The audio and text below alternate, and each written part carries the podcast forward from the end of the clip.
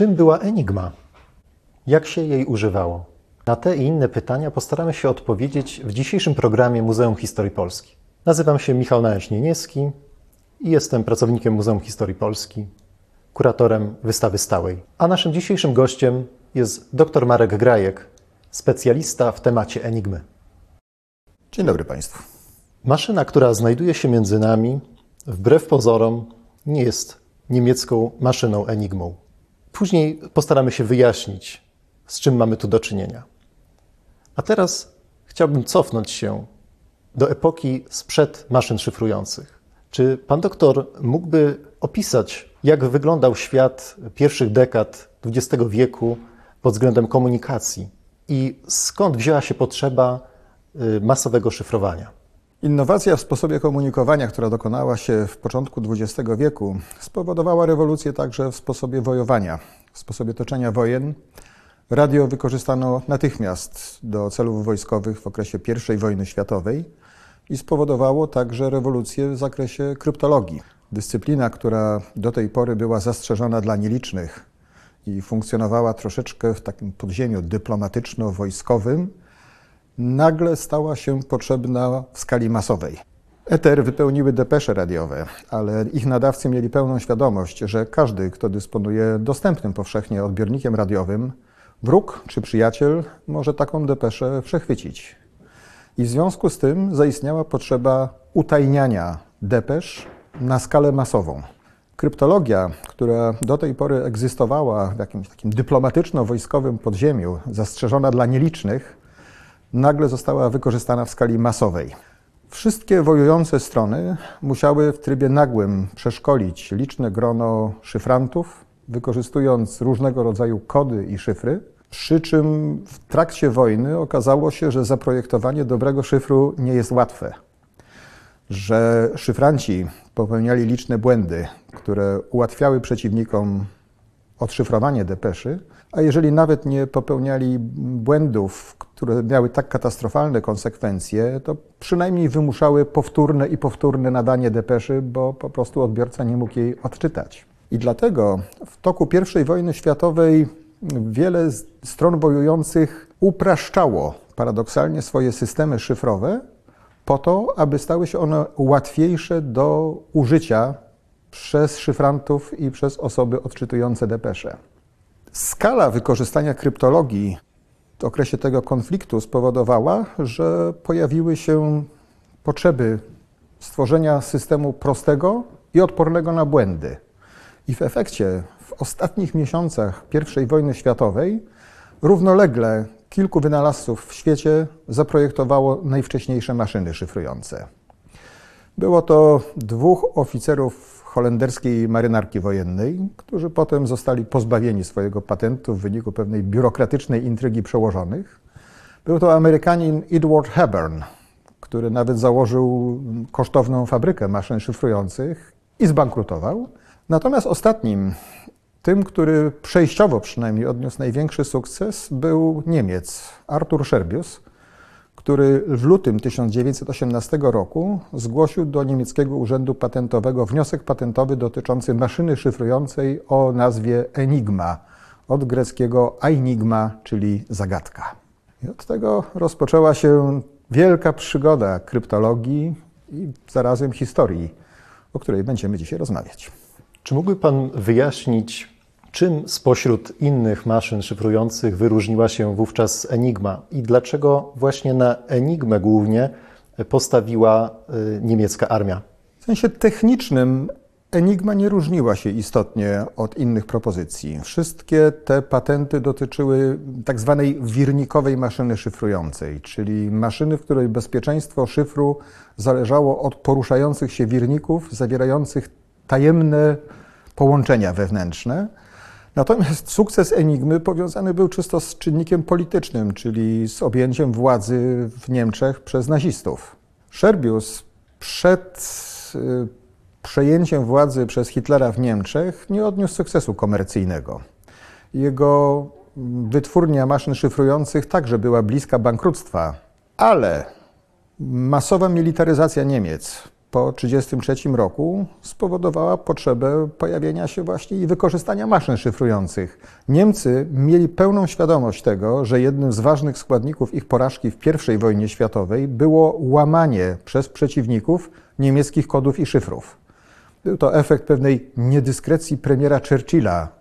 No i Niemcy jako ludzie praktyczni doszli do wniosku, że w żadnym wypadku nie można dopuścić do powtórki z historii, że łączność niemiecka wojskowa musi być bezpieczna. Najkrótszą drogą do tego było zastosowanie właśnie maszyny szyfrującej. Przy czym dodajmy, że zanim niemieccy kryptolodzy dopuścili pomysł Scherbiusa do użytku wojskowego, wprowadzili w nim pewne udoskonalenia, które sprawiły, że maszyna wojskowa generowała szyfr o dużo większej sile, dużo bardziej bezpieczny niż model dostępny komercyjnie. W efekcie pierwszym członem niemieckich sił zbrojnych, który zastosował maszynę Enigma, była niemiecka marynarka. Stało się to w 1926 roku, a w 1928 roku w ślad za marynarką poszły siły lądowe, czyli Reichswehra w lipcu, jeżeli dobrze pamiętam. Enigma została dopuszczona do użytku w niemieckich wojskach lądowych. System Enigmy stanowił dotąd niespotykany problem dla radiowywiadów europejskich, e, radiowywiadów świata. Na czym polegała właściwie ta trudność? Na czym polegało wyzwanie e, i nowość, z którą musieli zmierzyć się oficerowie wywiadu? Enigma została uznana przez różne kraje, które podsłuchiwały niemiecką łączność, za maszynę doskonałą, za maszynę, której szyfr jest niemożliwy do złamania. I w świetle wiedzy kryptologicznej wyniesionej z lat I wojny światowej była to absolutnie słuszna opinia.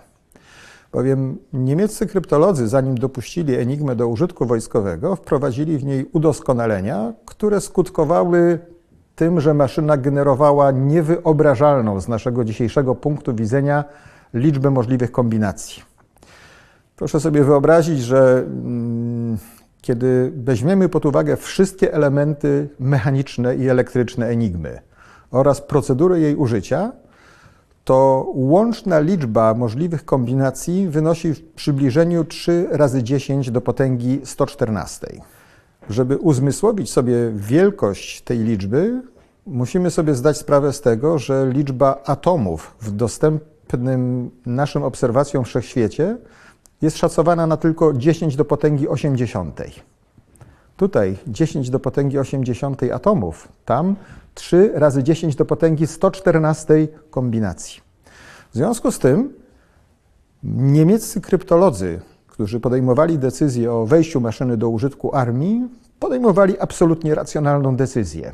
Nie wzięli pod uwagę tylko jednego elementu, że ta sama matematyka, którą zastosowali, żeby upewnić się o bezpieczeństwie szyfru, może zostać zastosowana także do ataku na ten szyfr. Dlaczego to właśnie Polakom udało się złamać szyfry Enigmy? To jest Pytanie, na które chyba nikt nie znalazł definitywnej odpowiedzi, możemy tylko i wyłącznie spekulować. Natomiast ja mam ulubioną teorię na ten temat i ta teoria tak naprawdę sięga do wojny polsko-bolszewickiej 1919-1920 roku. Otóż jednym z kluczowych elementów polskiego zwycięstwa w tej wojnie było zaangażowanie trójki matematyków, profesorów Uniwersytetu Warszawskiego w łamaniu szyfrów sowieckich. Bardzo ważnym elementem jest to, że oni nie używali metod matematycznych w ataku na ten szyfr. Szyfr sowiecki nie wymagał zastosowania metod matematycznych, natomiast zwykła intelektualna dyscyplina uniwersyteckiego profesora matematyki powodowała, że w tym, co robili w tych gorących dniach 1920 roku, byli niezwykle skuteczni.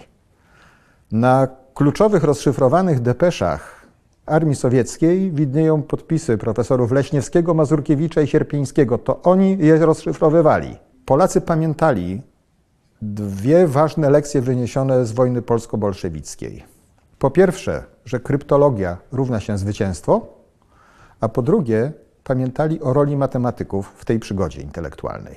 I w efekcie, kiedy stanęli przed problemem, wydawałoby się niemożliwym do rozwiązania w 1928 roku, postanowili postawić jeszcze raz swoje pieniądze na ten sam los w loterii.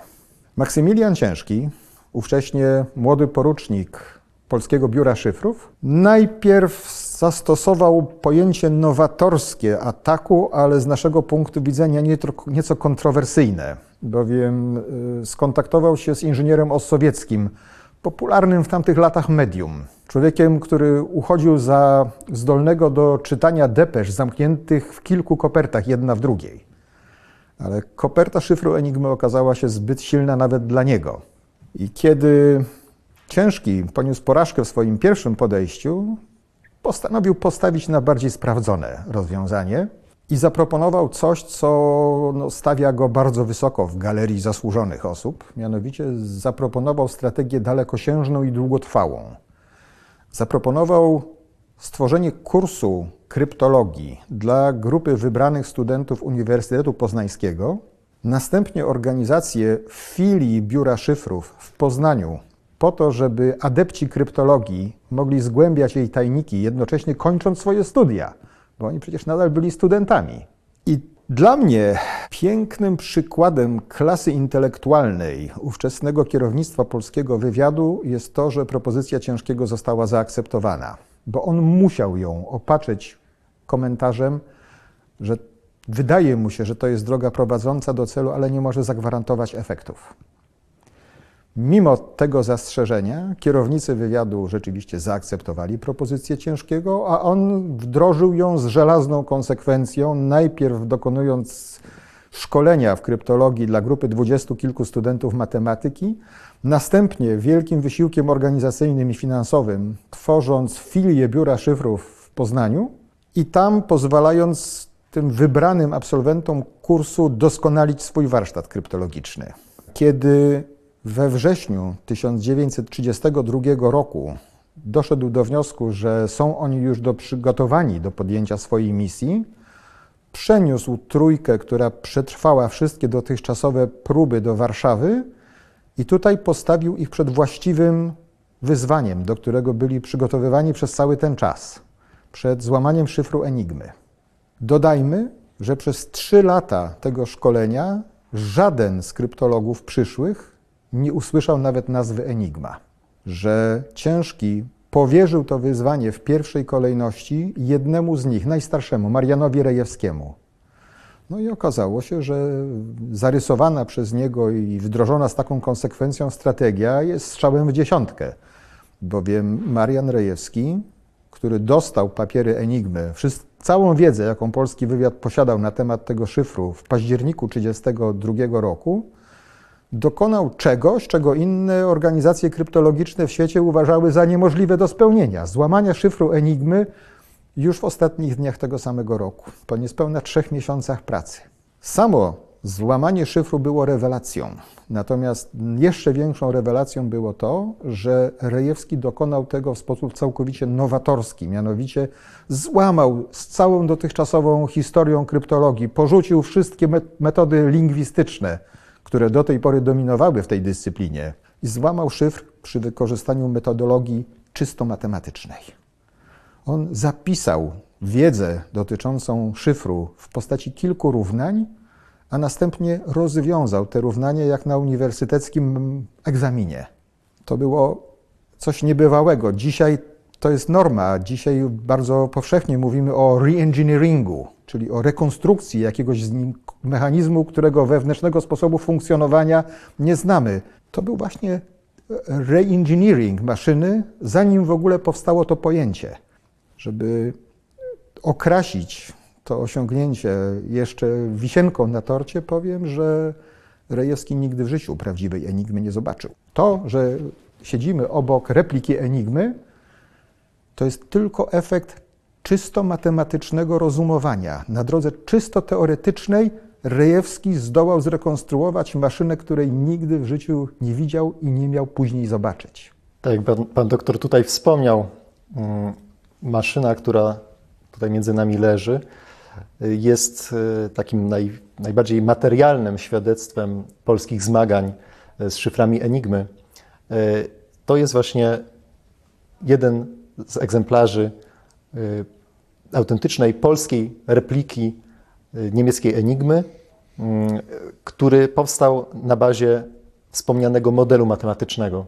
No tak, bo trudno było wymagać, żeby oficerowie wywiadu po to, żeby złamać szyfr, mieli rozwiązywać matematyczne równania. Trzeba im było tę pracę jakoś uprościć. I dlatego natychmiast potem, jak Rejewski rozwiązał te swoje równania, określając konstrukcję maszyny, natychmiast zamówił w polskiej wytwórni AWA, współpracującej z biurem szyfrów, wykonanie polskich replik.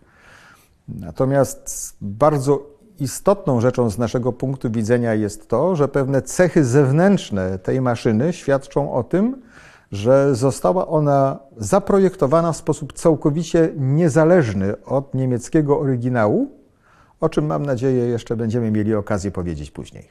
Chciałem zapytać jeszcze y, o dalsze maszyny, jakie były przygotowywane na zlecenie biura szyfrów w toku tych prac nad y, szyframi Enigmy.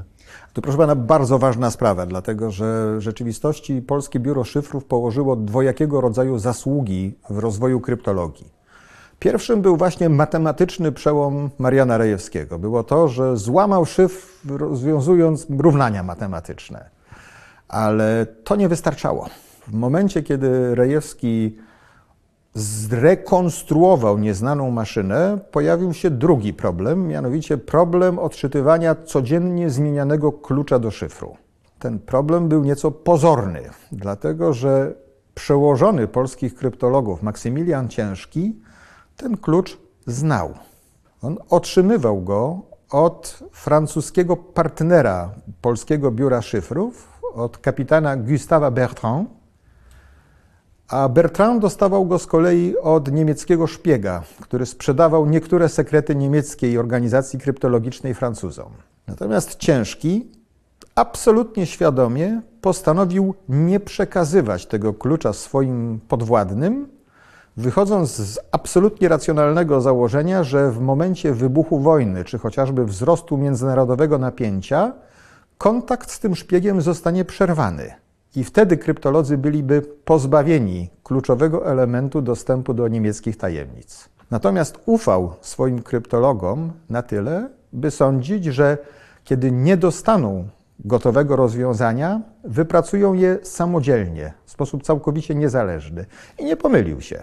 Tak, Polacy rzeczywiście wypracowali wiele pomysłowych rozwiązań na łamanie codziennie zmienianego klucza do szyfru, tyle tylko, że w 1935 roku Niemcy dokonali pewnej zmiany w sposobie użycia maszyny Enigma, która sprowokowała Polaków do postawienia sobie fundamentalnego pytania. Czy przypadkiem nie jest tak, że naturalnym przeciwnikiem dla maszyny szyfrującej jest inna maszyna ułatwiająca dekryptaż? I dokładnie tak zrobili. Skonstruowali stopniowo kilka pomysłowych urządzeń elektromechanicznych, których zadaniem była, była właśnie wsparcie ich wysiłku intelektualnego w odzyskiwaniu klucza do szyfru. Najpierw w 1935 roku skonstruowali cyklometr. Następnie w 1938 roku, po tym jak Niemcy po raz kolejny zmienili sposób użycia enigmy, Marian Rejewski skonstruował bardziej zaawansowane urządzenie, które nazwano z nieznanych do dnia dzisiejszego powodów bombą Rejewskiego. To, że nie znamy genezy tej nazwy, jest mało istotne. Bardziej istotne jest to, że bomba Rejewskiego, jak okazało się później, była rzeczywistą bombą podłożoną pod samo serce nazizmu jeszcze przed wybuchem II wojny światowej bo to właśnie potomkowie tego urządzenia mieli pokonać i pokonywać niemiecki szyfr w całym czasie trwania II wojny światowej.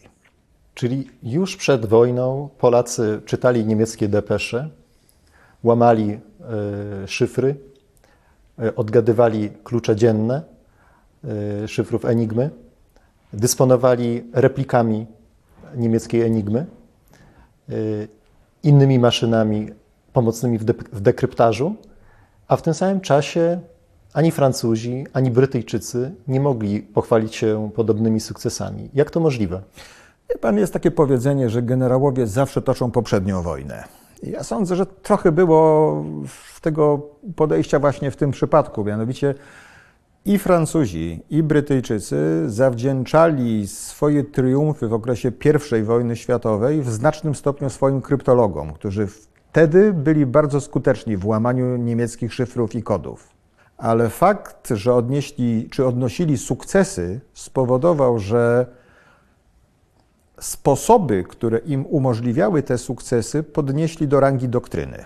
Uznali, że jest to świątynia, poza którą nie ma zbawienia. I tak troszeczkę jak Francuzi, jako w wyniku lekcji I wojny światowej, wybudowali linię Maginot, która później okazała się bezużyteczna w świetle nowej doktryny toczenia wojny przez Niemcy. Tak i doktryny kryptologów francuskich i brytyjskich okazały się zupełnie bezużyteczne wobec wyzwania szyfru maszynowego. Złamanie szyfru maszynowego wymagało rewolucji, tej matematycznej rewolucji, której dokonał Marian Rejewski. Tymczasem pracownikami zarówno francuskich, jak i brytyjskich służb kryptologicznych byli lingwiści. Byli ludzie, którzy usiłowali łamać szyfry i łamać kody, wykorzystując znajomość struktury języka. Rekrutowani z wydziałów filologii najlepszych uniwersytetów, spośród tłumaczy, spośród ludzi, którzy przez wiele lat pracowali w e, otoczeniu biznesowym w Niemczech. Otóż ci ludzie nie mogli odnieść sukcesu, bo operowali doktryną, która już dawno się przedawniła, która już wyszła całkowicie z użytku i która nie pozwalała nawet marzyć o złamaniu szyfru. To, że Polacy odnieśli sukces, zawdzięczali wyłącznie innowacyjnemu pomysłowi Maksymiliana Ciężkiego, no i klasie matematyków, którzy zostali przezeń wybrani do tego zadania. Pod koniec lipca 1939 roku y, dochodzi do niezwykłego zdarzenia y, w Lesie Kabackim. Następuje przekazanie całej wiedzy, całej polskiej wiedzy dotyczącej Enigmy naszym sojusznikom, przedstawicielom francuskiego i brytyjskiego wywiadu. Jak do tego doszło? Przede wszystkim to jeszcze nie zupełnie sojusznikom, powiedziałbym przyszłym lub potencjalnym sojusznikom, bo ostatecznie sojusz wojskowy z Wielką Brytanią został podpisany w ostatnich dniach sierpnia 1939 roku, czyli w ponad miesiąc po wydarzeniu, do którego Pan nawiązuje. To było wydarzenie bez precedensu. Tak? Żaden wywiad żadnego kraju świata nie przekazuje konkurencyjnym wywiadom swoich tajemnic bezwarunkowo, a właśnie to zrobili Polacy. Tak? Polacy postanowili podzielić się z przyszłymi lub potencjalnymi sojusznikami swoim najbardziej skrywanym sekretem, nie stawiając żadnych warunków wstępnych. Jeżeli ja mogę rekonstruować sposób myślenia szefów polskiego wywiadu, którzy musieli podjąć tę decyzję, bo żaden z szefów biura szyfrów nie był do niej uprawniony samodzielnie to wychodzili z założenia, że wojna jest nieunikniona i że w toku tej wojny mogą nastąpić zdarzenia, które spowodują utratę sekretu przez autorów. Jedna bomba, która spadnie w niefortunne miejsce, mogła położyć kres nadziei na lepszy przebieg wojny. I dlatego, jak to się mówi w świecie inwestycyjnym, postanowiono zdywersyfikować ryzyko. Tak? Postanowiono podzielić się tym sekretem, jak powiedziałem, bezwarunkowo. Dlatego do Warszawy zaproszono przedstawicieli organizacji kryptologicznych Francji i Wielkiej Brytanii. Było z tym trochę zamieszania, bowiem spotkanie w Pyrach z lipca zostało poprzedzone spotkaniem w Paryżu w styczniu 1939 roku. W trakcie spotkania w Paryżu Polacy nie zostali upoważnieni przez swoich szefów do ujawnienia sekretu, dlatego operowali ogólnikami na takim poziomie, że brytyjscy kryptolodzy, a dokładnie jeden spośród nich, Dillwyn Knox, intelektualny lider brytyjskiej organizacji kryptologicznej, określił ich w raporcie spisanym po powrocie do Londynu jako głupców i ignorantów. I przed wyjazdem do Warszawy upierał się, że on nie pojedzie po to, żeby musieć powtórnie znosić sąsiedztwo tych głupców i ignorantów. No, został przekonany troszeczkę argumentem siłowym. Zjawił się rzeczywiście w Warszawie i w obliczu sukcesu ludzi, których tak nisko oceniał, proszę, przepraszam za potoczne wyrażenie, strzelił focha. siedział, zgodnie z relacjami z tego spotkania, przez cały dzień naburmuszony, a wieczorem, kiedy samochodem wracali do hotelu uczestnicy, otworzył się przed swoim ówczesnym szefem, przed Alastarem Denistonem, mówiąc, że nie mogli tego odkryć samodzielnie. Z całą pewnością albo ukradli, albo kupili ten sekret, a następnie obserwowali rozwój tej maszyny. Natomiast na początku tej drogi musiała być kradzież. Czy w świetle tego, co powiedziałem, spotkanie w Pyrach zakończyło się sukcesem? Mimo wszystko tak. Dlatego, że było w pewien sposób początkiem późniejszej wielkiej operacji dekryptażu niemieckich depesz, która wywarła bardzo poważny wpływ na losy II wojny światowej.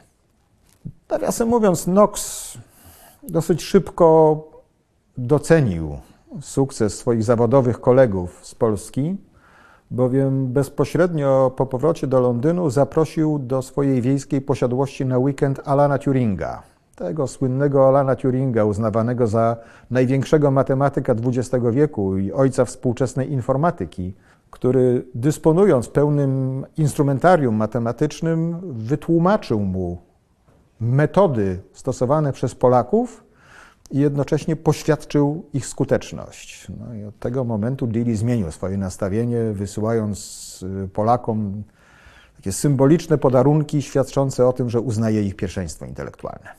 Była jeszcze jedna konsekwencja mm, tego spotkania w Pyrach pod Warszawą. Y, mogliśmy liczyć, biuro szyfrów mogło liczyć we wrześniu 1939 roku na pomocną dłoń francuskiej ambasady w Rumunii. I tak zaczyna się ten francuski okres epopei naszych kryptologów. Wie pan, kiedy po klęsce wrześniowej biuro szyfrów ewakuowało się do Rumunii, a cywilni pracownicy biura szyfrów, czyli właśnie trójka matematyków, którzy mimo wybuchu wojny byli cywilnymi pracownikami wojska, przedostali się do Bukaresztu, pierwsze kroki skierowali jednak do ambasady brytyjskiej. I to w jakiś sposób świadczy o ich ocenie e, kompetencji partnerów brytyjskich i francuskich w zakresie kryptologii. No niefortunnie się złożyło z punktu widzenia ich późniejszych losów, że dokładnie w momencie, kiedy Polacy zjawili się w ambasadzie brytyjskiej w Bukareszcie, na jej dziedzinie zjechał autobus z personelem ewakuowanej ambasady brytyjskiej z Warszawy. I w związku z tym zainteresowanie wszystkich gospodarzy skierowało się na swoich kolegów z Warszawy. Nie mieli czasu dla Polaków. I dopiero wtedy Polacy udali się do ambasady francuskiej. Tam rzeczywiście dostali całą niezbędną pomoc i przedostali się do Francji, ale z punktu widzenia ich dalszych losów to nie był na pewno ich pierwszy wybór i nie była to okoliczność fortunna. Z Francją wiąże się też nasz eksponat tutaj obecny. Czy mógłby Pan nakreślić okoliczności powstania polskiej repliki, którą tutaj dysponujemy? No właśnie, no, no, zakończyłem poprzednią wypowiedź taką troszeczkę pesymistyczną konstatacją na temat roli francuskich kolegów w tej przygodzie.